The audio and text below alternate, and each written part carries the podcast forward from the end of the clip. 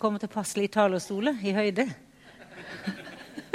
jeg spurte han til med, jeg trodde du må ta den litt opp, men plutselig gikk det opp for meg at jeg nesten kunne krype under den, så da gikk det helt greit.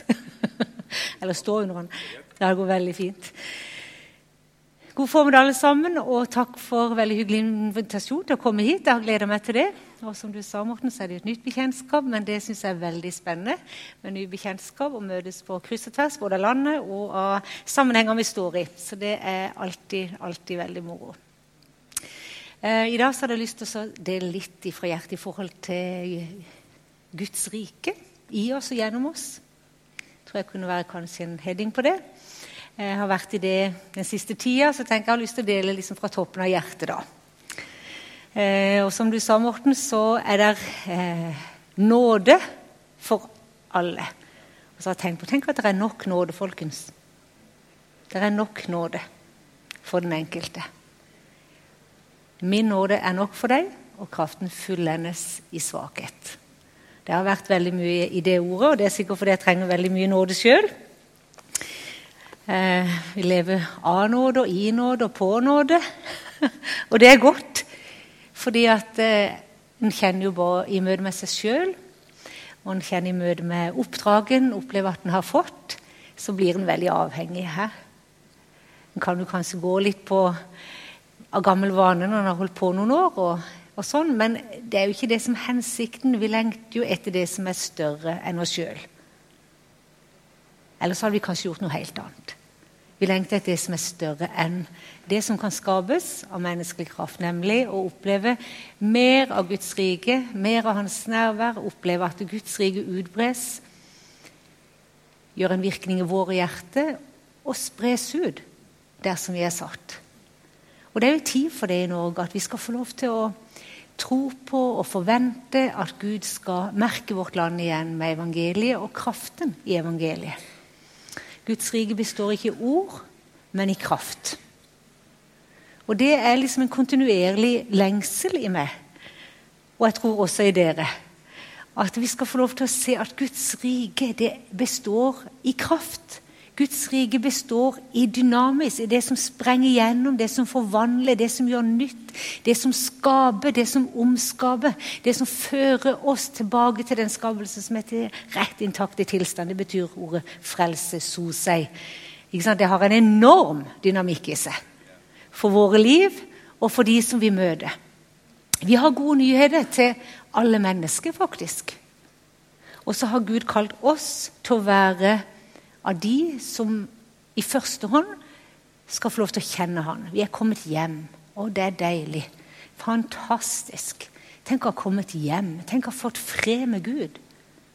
Tenk å få lov til å oppleve at Gud taler fred over vår fortid. Det håper jeg du kjenner her i formiddag. At Gud han har lagt fred over din fortid.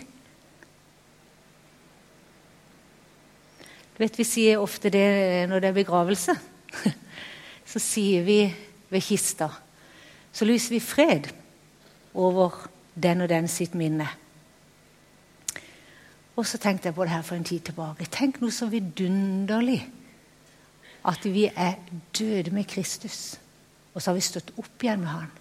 Og så kan vi få lov til, mens vi er lys levende, å lyse fred over det som har vært. Hvorfor det? Fordi Gud har lagt vår fortid i Hans nåde. Det er jo til å bli superglad, rett og slett. Hæ?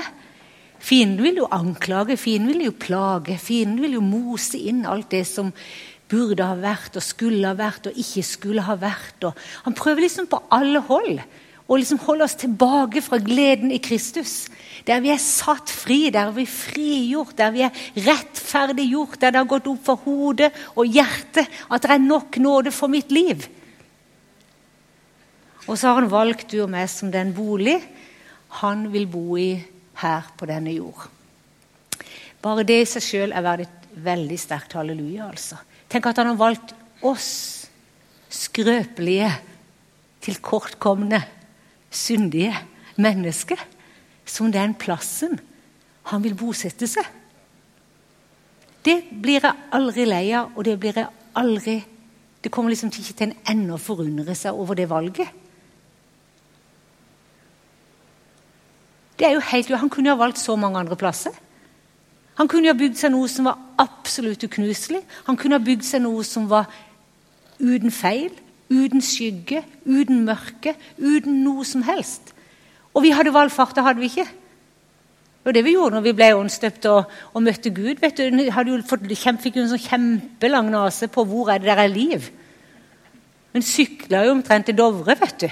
Bare for å komme på et møte. For de kjente å, jeg må bare være der som, som det er en, en salvelse der Gud er, liksom. Og nå når årene går, vet du, så er jo Amerika ikke langt unna, Afrika ikke langt unna, Asia Så vi, vi, reiser fordi vi kjenner at vi lengter etter dette kongeriket.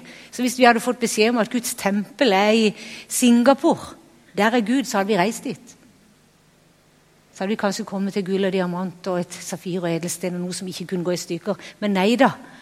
Vår Gud, vår Far i himmelen, han ville ikke det. Han ville ha du og meg som den plassen han bosatte seg. Han valgte det. Vi har ikke tigd han om det. Han valgte det av egen frie vilje. Av sin egen frie vilje så bestemte han oss for å være Det var jeg kjente det var noe som hang Sånn. Det var godt gjort.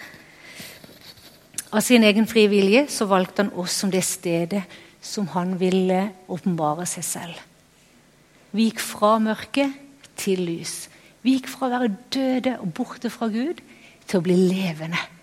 Vi gikk fra å leve i mørkets rike til å bli satt over i Hans elskede Sønns rike.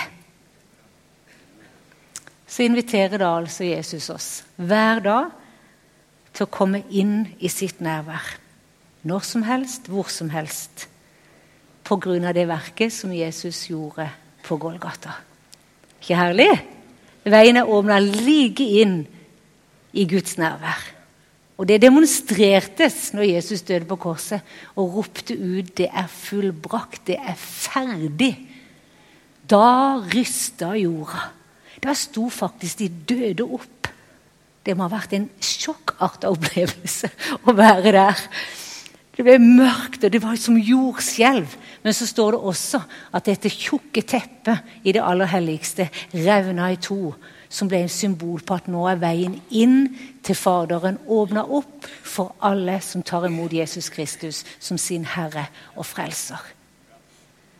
Vi kunne gå inn, og Gud tok bolig blant menneskene. Han var ikke lenger bare der i det aller helligste. Han kom og sa Guds rike er midt iblant dere. Guds rike er inneni dere, leser vi i 1930-oversettelsen. Jeg syns nesten det er enda bedre enn iblant dere. og da bruker jeg det litt. Men Guds rike er inneni. Inneni. Nærmere enn vår egen pust. I vårt hjerte. Der bor han med sin kraft. Der bor han med sin herlighet. Der er livet med Gud. Så vi trenger ikke å rope, vi trenger ikke å kalle ned fra et eller annet høyde. Vi kan stige ned i vårt eget indre og finne at han bor der med sin ærlighet. Og Da kommer jo lovsangen og tilbedelsen, som vi så herlig har vært med på. Da flyr det fra innsida. Og Vi snakka om det rett før vi gikk inn på møtet her. at For vi er liksom litt i samme Dere er vel noe yngre enn meg, sikkert, men, men vi opplevde jo en kjempenydelig skal si, fornyelse sånn begynnelsen av 80-tallet, midten av 80-tallet. Og hvor Jesus bare tok innersvingen på oss. Ikke sant? Du bare ble rett og slett fullstendig lidenskapelig opptatt av og begeistra for. Og kunne bare skal si, Ordet ble levende, bønnen ble levende, og livet med Gud bare begynte å blomstre. Og så snakker vi om dette. Ja vel, hvordan, hvordan, altså Dette må jo bare fortsette, dette må jo bare være, dette må jo bare bringes videre til neste generasjon. Og da tenker jeg at Vi må oppfordre hverandre både i menighet og i misjonsmenigheten hjemme og i kvinner i nettverk der som en står, at vi må virkelig bare rope til Gud om en ny åndsutgytelse at det så mange som mulig må bli fylt opp av Den hellige ånds kraft. For det er i grunnen det eneste som funker. Det eneste som får meningen til å gå fremover. Det er det som har gjort at evangeliet har overlevd i 2000 år. Det er at enkeltpersoner har blitt så oppfylt av den ilden som kommer fra Gud, at ikke de kan la være med å dele det de har fått. Det er det som har gjort at evangeliet har overlevd. ikke sant? Det bare overføres fra den ene til den andre, fra en generasjon til neste generasjon, hvor vi får lov til å kjenne at Guds rike består av kraft og herlighet og liv og sannhet, og at det gir livet innhold. Han er perlenes perle og skattens skatt. Han er som den soloppgangen i vårt liv. Det har han vært, og det er han. Og det syns jeg er deilig å si til dere som er yngre. At det varer, og det rekker. Og det er mer herlig vil jeg si, å være frelst i dag enn det var for 30 år siden. Forstå meg rett. Det går dypere, det går høyere, det går videre, det er mer spennende. Og jeg sammen med dere så bare lengter jeg at jeg skal bare få lov til å leve og virke og forbli det som, som Gud har tenkt. Hæ? Det går an å leve på smule. Det går an å leve på et minimum av det som Gud hadde tenkt, men det går også an å leve et liv der en kan få lov til å kjenne at kraften fyller oss opp igjen og igjen og igjen og igjen. Det står om at de ble fylt av Den hellige ånd, de ble døpt i Den hellige ånd, og så står det at de blir atter fylt av Den hellige ånd. Og der vet du, det er der vi lever nå.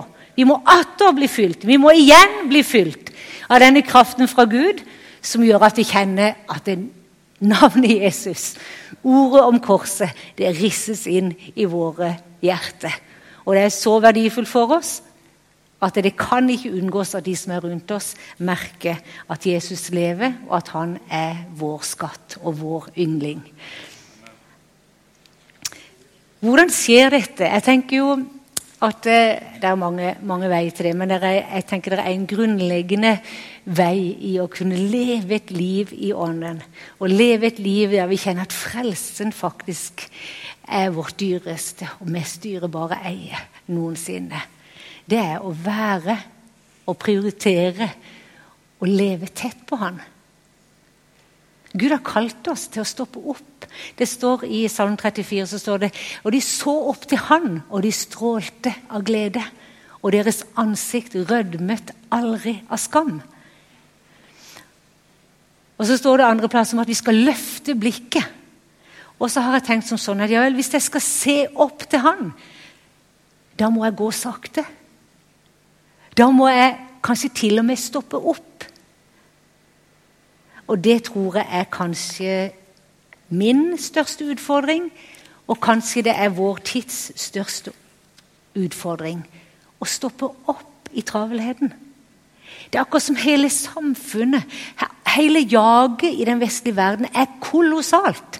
Med lyd og liksom Uansett hvor vi går, om det er tog eller buss eller, eller kjøpesenter eller hva som helst, eller hjemme, hvor fort det er med alle disse duppedittene vi har, sammen, at vi på en måte hele tiden innhentes av noe annet enn dette å stoppe opp for den Herre Jesus Kristus. Stoppe opp og ta tid i ordet. Stoppe opp og bare er i stillhet og hvile innenfor Guds ansikt. Og det, det, er jo liksom, Av og til så kan du sende en litt sånn trekk, da, og det er litt med personlighet. Ikke Noen kan kjenne seg veldig godt igjen i Maria, som, som valgte den gode del og satte seg ned ved Jesus sine føtter. Jeg kjenner noen av de som på en måte ligger i hele personligheten, nesten. At de setter seg ned. Men når jeg tar noen sånn sjekkpunkt innimellom og spør hvor mange er det som kjenner seg igjen i Maria her, ja, så får jeg noen få hender i en forsamling. Så spør jeg hvor mange er det som kjenner seg igjen i Martha. Dere vet historien om Martha og Maria. Og da er det liksom kanskje 98 av forsamlingen som kjenner seg igjen i Martha. Så det er tydelig at det ligger mer for mennesket å være i fart. på en måte. Og så er det jo noe med dette også, Når Jesus har oh, møtt oss, så får vi lyst til å gjøre. Og det er jo en deilig effekt. Og det skal vi få lov til å ta vare på. Jeg tenker All det styret som har vært i avisen nå med, med Jesus Revolution og alle disse tingene der, og, og som de selv sier, så er det klart at dere har vært tider med utrolig radikale eh, tilsnitt. ikke sant? Men det må jo ikke bli sånn at ikke vi ikke kan brenne for Jesus. Ikke sant? Det er jo viktig å ikke brenne ut, men det er viktig og akkurat det som jeg har lyst til å si litt om nå, at det er viktig også å finne en sånn pulsering mellom hvile og arbeid. Det å være og gjøre. Og da, Det er jo ikke noe som tilsier at ikke vi skal kunne brenne for Jesus. Men en trenger ikke brenne midt på i begge ender og ikke bruke huet. Det trenger vi jo ikke. Men det er klart vi må jo ta vare på og ikke la dette styret i media bli sånn at vi til slutt ikke tør å brenne for Jesus. Hva tror dere disiplene gjorde? Og hva er det vi gjør? Vi brenner jo for, for Jesus og for saken og for oppdraget og for, for, å nå verden. Dette her er jo bare et, et, kortvarig opphold på denne jorda. Så skal vi inn i Guds himmel. Og da vil vi jo ha så mange som mulig med på veien. Da vil vi jo selvfølgelig se at så få som mulig går fortapt. For vi er jo faktisk av de som holder fast på ordet når det gjelder at det fins to utganger på dette livet. Ikke sant? Da kan vi ikke bare sitte og være redd for å brenne. Men vi må jo på samme tid da følge Guds skaperordning. Jeg syns det er så fint med skaperverket. Det står allerede i første Mosebok at Gud brukte seks dager på å skape verden. Og så skapte han mennesket. Og hva var det han lot mennesket våkne opp til? Jo, det var en hvile, da. ikke det er fint? Og så har jeg tenkt på det, Han er jo far. Han skapte jo barn. Han skapte mennesket sitt bilde. Han skapte noen han ville dele seg selv med. Og så lot han altså da mennesket våkne opp til det som var fullbrakt, det som var ferdig. Og jeg tror han fryda seg over å ta med Adam og Eva ut i skapelsen. Han trådte sjøl inn i det han hadde skapt, og tok med seg mennesket for å vise dem dette er det jeg har skapt for dere. Og det kan vi godt lære litt av. Han skapte dag til å arbeide, natt til å hvile. Han ga syv dager i uka og sa at én dag skal være en hviledag. En dag skal være På hebraisk så betyr når det står at Gud skapte, eller at Gud hvilte på den syvende dagen, så er det et um, hebraisk ord som kommer av ordet menocha. Ikke sikkert jeg sa det riktig på hebraisk, for det kan jeg ikke ta på meg at jeg kan. Men noe sånn menuha, står det.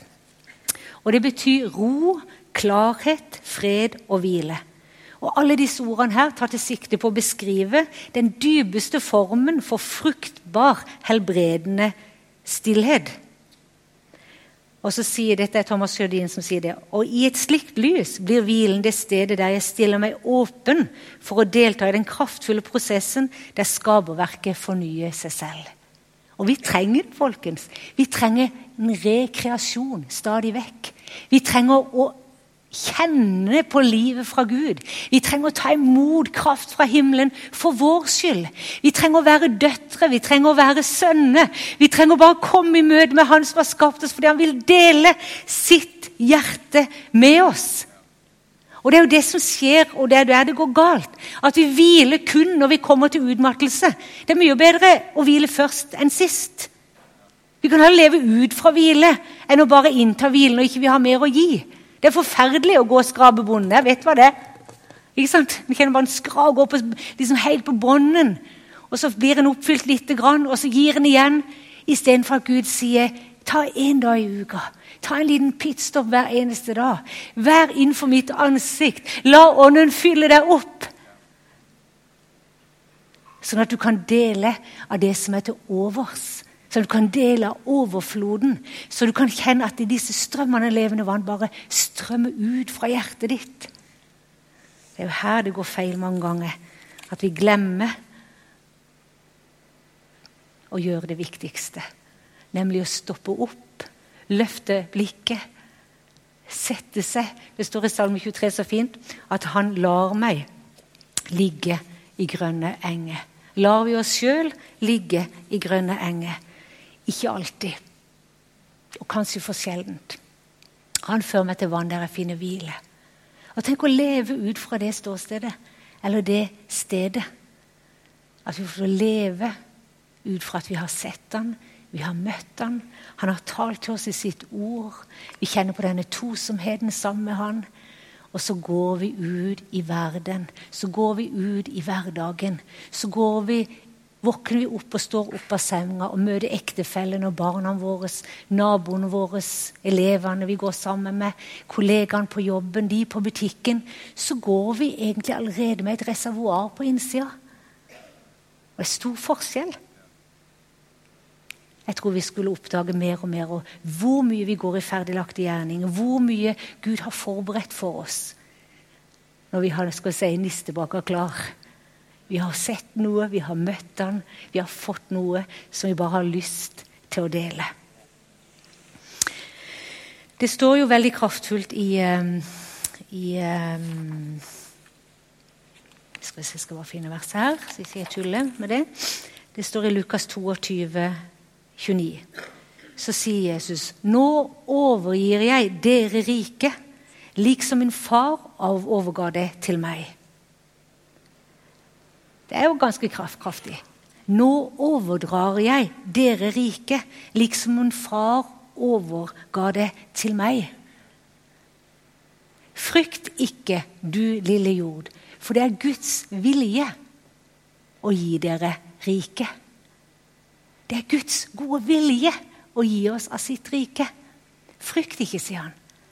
Hva betyr det at, Gud har over, at Jesus har overdratt riket? Det er jo noe vi bare må meditere på, som jeg har lyst til å bare fortsette å meditere på. Å være i det ordet. Det som jeg vet helt sikkert, er at når min far mist, eller min, Jeg mista min bestemor kanskje for fire-fem år siden nå. Hun var 94, hadde et langt og godt liv sånn sett. Men hun var 92, så var hun såpass dårlig og så skral at hun, hun måtte på gamlehjem. Og Da bestemte hun seg for at nå vil jeg overføre min eiendom til mine barn. Til min far og hans søster. Og Da skrev hun med en skjelvende hånd underskriften på at nå gir jeg hus og min eiendom til mine barn. Hva skjedde? Jo, min far og hans søster fikk eiendommen. Hun overdro det fra seg til dem. Og så sier Jesus, 'Nå overdrar jeg riket til dere'. Det er veldig kraftig, faktisk. Det var en som sa det sånn at himmelriket er Guds gode innflytelse i verden. En dynamisk, helbredende strøm som går ut fra himmelen og trenger inn i alt det jordiske. Guds rike, himmelriket, er Guds gode innflytelse i verden. En dynamisk, helbredende strøm som går ut fra himmelen og trenger inn i alt det jordiske. Så han har trengt Ordet har blitt kjøtt. Ordet har blitt menneske. Jesus har blitt en del av oss. Han har overdratt sin ånd. Vi har fått Guds sønns ånd i våre hjerter. Det er jo ikke noe hva som helst. Vi har fått del i Guds ånd. Dette er jo så voldsomt at en må bare nesten sette seg. Vi har fått del i Guds ånd. Og han har, han har, han påvirker, han har forvandla våre liv. Og så skal vi være de som, som bringer dette riket av god innflytelse. En dynamisk, helbredende strøm skal gå ut fra menigheten. Skal gå ut fra der vi er som enkeltpersoner, fordi Jesus har kalt oss til det. I Romerbrevet 8, 18 så står det jeg mener at det vi må lide her i tiden, ikke er for noe å regne mot den herlighet som en gang skal åpenbares og bli vår. Alt som er skapt, venter med lengsel på at Guds barn skal åpenbares i herlighet. For det som er skapt, blir lagt under forgjengelighet, ikke frivillig, men på grunn av ham som gjorde det slik. Likevel var det håp. For det skapte skal bli frigjort fra trelldommen under forgjengeligheten og få del i den frihet som Guds barn skal eie i herligheten. Dette er noen absolutt kraftige vers. Før der så står det om at vi har fått en ånd fra Gud som roper 'Abba, far'. Pappa. 24-7. 24 timer i døgnet, 7 dager i uka, 365 dager i året. Så har Guds ånd dette ropet i vår ånd 'Pappa'. Abba, far. Og så sier han her For det første innrømmer vi at dette livet ikke bare er lett. For han sier bare jeg mener at vi må lide her i tiden. Og det å gå med Gud, det å leve i denne verden Prøv det den som vil. Det er mange ting som skjer. Det er mye liv og mye vi møter på. Men han Paul sier her at jeg regner for ingenting mot det som jeg ser kommer. Han hadde himmelen i hjertet, han hadde syn for himmelen inni seg. Men så sier han det som jeg syns er så veldig aktuelt i forhold til det jeg har lyst til å si da. Der står det Alt som er skapt Hør nå her. Venter med lengsel på Hva er det de venter på? De venter på at Guds barn skal åpenbares i herlighet. Og det er jo her og nå i denne tiden. Det står jo til og med at vi stunder, og skapelsen stunder etter forløsning. Men også de som ikke kjenner Jesus, de lengter etter at Guds herlighet skal åpenbares gjennom Guds barn. Det ble så heftig for meg her for en stund siden. Så tenker jeg Gud, de lengter og forventer og håper på at den herligheten som Gud har lagt ned i oss ved sin ånd, i våre hjerter. At den skal, Hva betyr det å åpenbare? De skal bli synlig. De skal se det, de skal kjenne det, de skal merke på det, de skal ta på det, de skal lukte på det, de skal skjønne hva Guds rike har i seg når de møter du og meg. Fantastisk. De venter. Og så tenkte jeg på Det Det er forskjell på det å gå ut som en kristen og tenke at vi er liksom halvrare og ingen er noe særlig interessert i vårt budskap. Eller å være beskjedne på vegne av budskapet som Jesus har gitt oss å komme. Jeg vet ikke hvordan du kjenner det, men det er noe som holder menigheten tilbake. Ellers så hadde vi, hadde vi sett mye mer, tror jeg. Det er et eller annet beskjedenhet. Kanskje fordi vi, kanskje vi bærer med oss eh, tida hvor folk følte seg tvangsfora på Jesus. Eller at det var som en fordømmelse, at ingen følte de passa inn, så vi må være forsiktige så ikke vi støter. Jeg vet ikke hva det er for forskjellige ting som holder oss igjen. Men er, jeg tror det er et kolossalt forbedringspotensial for oss i forhold til dette at vi går ut på gata, vi går på jobben. Vi våkner opp i vårt eget hus og vi møter naboen på plenen med rett rygg. Og, og, og inni oss kan du ikke skrive svære plakater og, og, gå, og, skrive sånn, men du kan inni det, være, og vi kan være inni oss oppreist og tenke at faktisk så bærer jeg på noe som de venter på. Det er godt å være venta på. Jeg er jo 50 år, ikke sant? Jeg er 51 til og med. Men vet du, jeg er så heldig å ha begge foreldrene mine. De er snart 76, dvs. Si de er 75. Og så, og så, eh, så fremdeles så vent, Når de vet at jeg kommer, så venter de på meg. Og kommer jeg avtalt, kommer jeg bare spontant innom. 'Å, er det deg, Linn?' Jeg er jo kjempeheldig. Jeg føler meg så privilegert. Men jeg føler meg venta på. Og så tenker jeg, kan ikke vi òg ta denne innstillingen og denne holdningen? At jeg faktisk venter på av de som ennå ikke har sett og møtt Jesus Kristus. Jeg tenker at det retter min rygg litt. Reis deg, bli lys, for lyset ditt kommer. Herrens herlighet går opp over deg. Se, mørket dekker jorden. Det er stummende mørkt over folkene. Men over deg stråler Herrens herlighet fram. Isaiah 60, vers 1-3. Det er stummende mørkt over folkene, men over deg har Herrens herlighet gått opp. Gud i himmelen, han bærer alle mennesker på sitt hjerte. Og Jeg tror at det finnes en stor, sterk, kraftfull savna-plakat på fars hjerte over alle de som enda ikke kjenner han. Og Jeg tror kanskje vi må, iallfall må jeg, ta inn over oss dette alvoret med at eh, plutselig så er livet over. En av våre medarbeidere fikk nettopp melding eh, eller bare for en, en ukes tid siden. De hadde vært på ferie i Syden, hvor mannen da plutselig får infarkt og dør. Og mennesket bare lever. Han var heldigvis en kristen og har bare blitt forfremma. Men livet er så kort, så plutselig. Og Menneskene som lever der ute, de lever bare. De lever, de lengter, de søker inn i forskjellige ting. Og rastløsheten bare øker på, akselererer og akselererer. Og de vet ikke hvor de skal se, de vet ikke hvor de skal gå. Mens Gud har kalt oss. Og heldigvis er det fremdeles mange kristne i dette landet. Og vi blir flere og vi blir flere. Det skal vi holde oppe, og det skal vi be om. Kristiansand, vi ser mennesker frelst hver eneste uke. Og det er flere og flere som er mer og mer frimodige med å, å bringe dette riket. Gå ut på markens. De går på puber, de går ut. De tar liksom byen litt. Grann. Stoppe de mest tøffe på gata. Kjenner dere Jesus? Vi hadde en historie her, var veldig fint. Det var to, to, av guttene våre eller unge menn der som, som vi var på. Vi var bare ute på byen. Så det var tre sånne skikkelig tøffinger. Nei, fire var det. Eh, skikkelig tøffinger. Så tok de frimodigheten til seg, så gikk de bort til dem og spurte du, vi er, vi er kristne, kan vi få snakke med dere. Ja, gikk bare rett på. Noen er jo så tøffe, ikke sant? Og så bare begynte å brumme og braske vet du, og syntes bare, de bare gjorde narr av dem. Og så var det en av de som fikk et kunnskapsord når han sto der. Så sa han det at er det noen, nei, Først så sa de det var ikke kunnskapsord, men de sa bare er det noen av dere som er syke. Nei, det var ingen som var syke.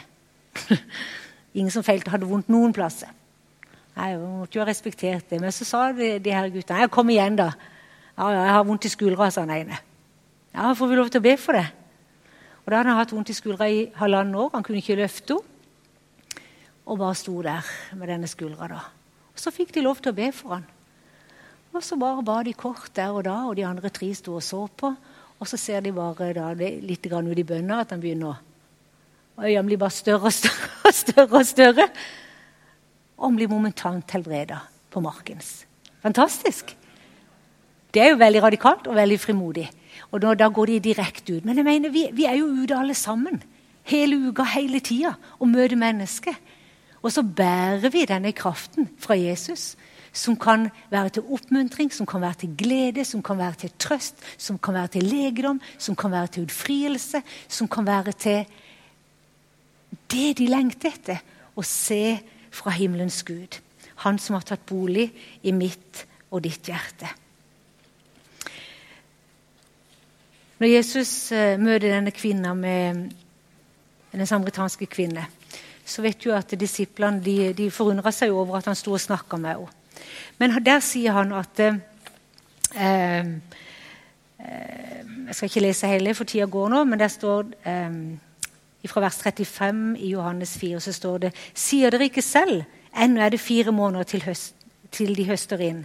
Men jeg sier dere, løft blikket og se på markene. De står alt hvite mot høst. Og Da hadde Jesus akkurat betjent denne kvinna.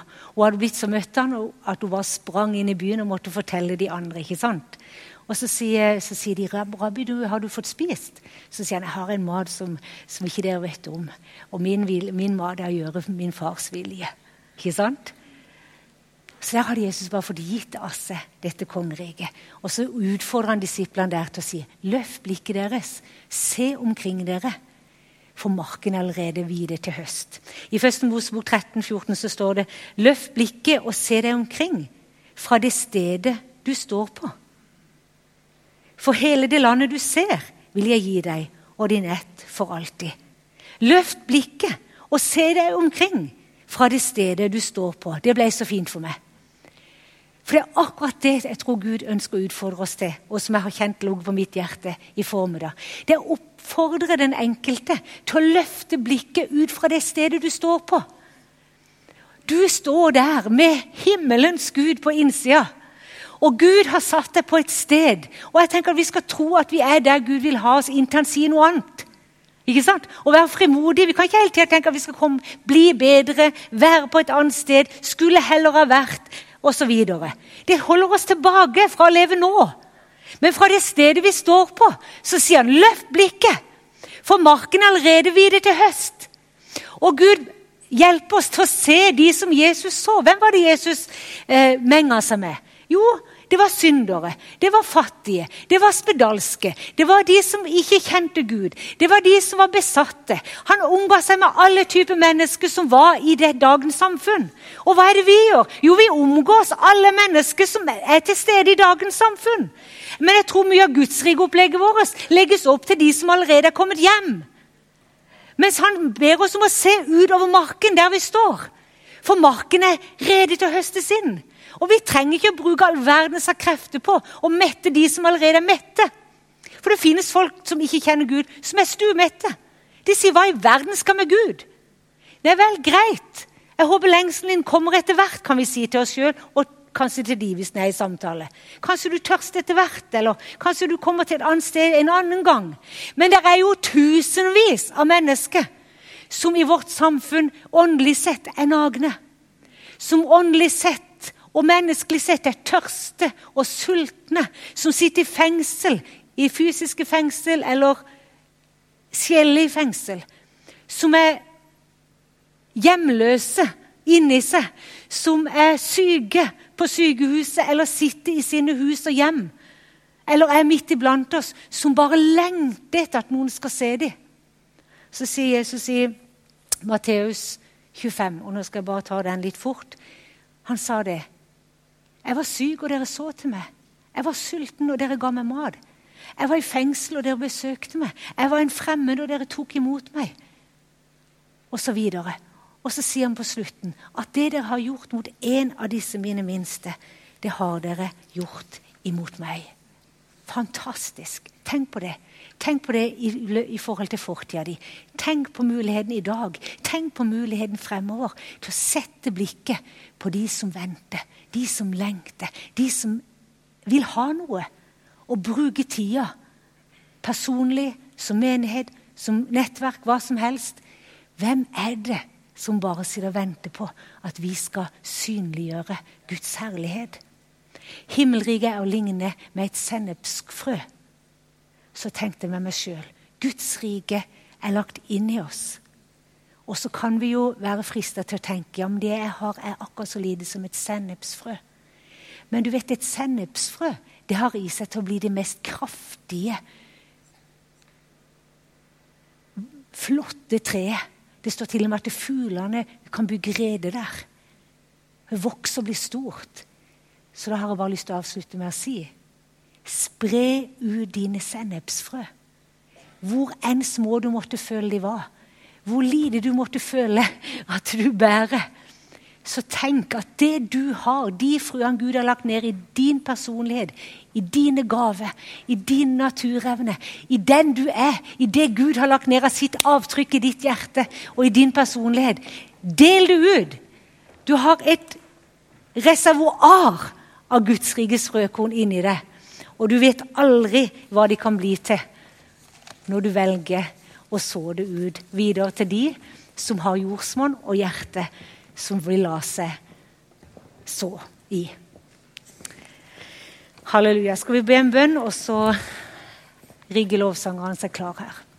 Far i himmelen, jeg takker deg så inderlig for at vi har fått lov til å komme hjem, at vi har fått lov til å bli kjent med deg. Takker deg, far, for det at eh, selv etter eh, mer enn et halvt liv i Jesus, så kjenner jeg forventning. Kjenner forventning etter å lære deg bedre å kjenne Jesus. Etter å bli mer fylt av deg, Herre. At du må få enda mer plass i mitt hjerte, Herre Jesus. Sånn at enda mer av ditt rikes kraft kan bli synliggjort som velsigner denne fantastiske menigheten Jesus, Sandvika pinsekirke. Takker deg, Herre, for det de er i denne byen. Takk for dette fyrtårn de er midt i sentrum. Jeg takker deg, Herre, for den fokusen de har både med, i forhold til ditt hjerte, far, det å leve nær til deg, Herre, og det å bringe deg ut til byen, Herre Jesus, på alle områder, Jesus, i samfunnet. Jeg bare priser ditt hellige navn og bare ber, Herre, om visdom og innsikt og jeg bare ber om at de fortsatt skal få være et ildsted i byen, Herre. La de være et sted der mennesker kan komme og sette seg ved bålet, kjenne varmen, merke lyset. Kjenne at ilden fra ditt hjerte, Herre Jesus, transformerer og forvandler, Herre. Så gir du oss nåde, Herre, til å stoppe opp og være tett på deg, far. Sånn at vi kan sånn som du vil, bringe Jesus ditt rike Gud, og at vi på din måte kan hente disse såkornene du har lagt i våre hjerter, Herre og så de ut der som du har satt oss, på den marka vi står på, på det vi ser rett omkring oss, Herre Jesus. Få lov til å bringe deg ut til alle de som lengter etter at vi skal synliggjøre hvem du er. I Jesu Kristi navn. Amen.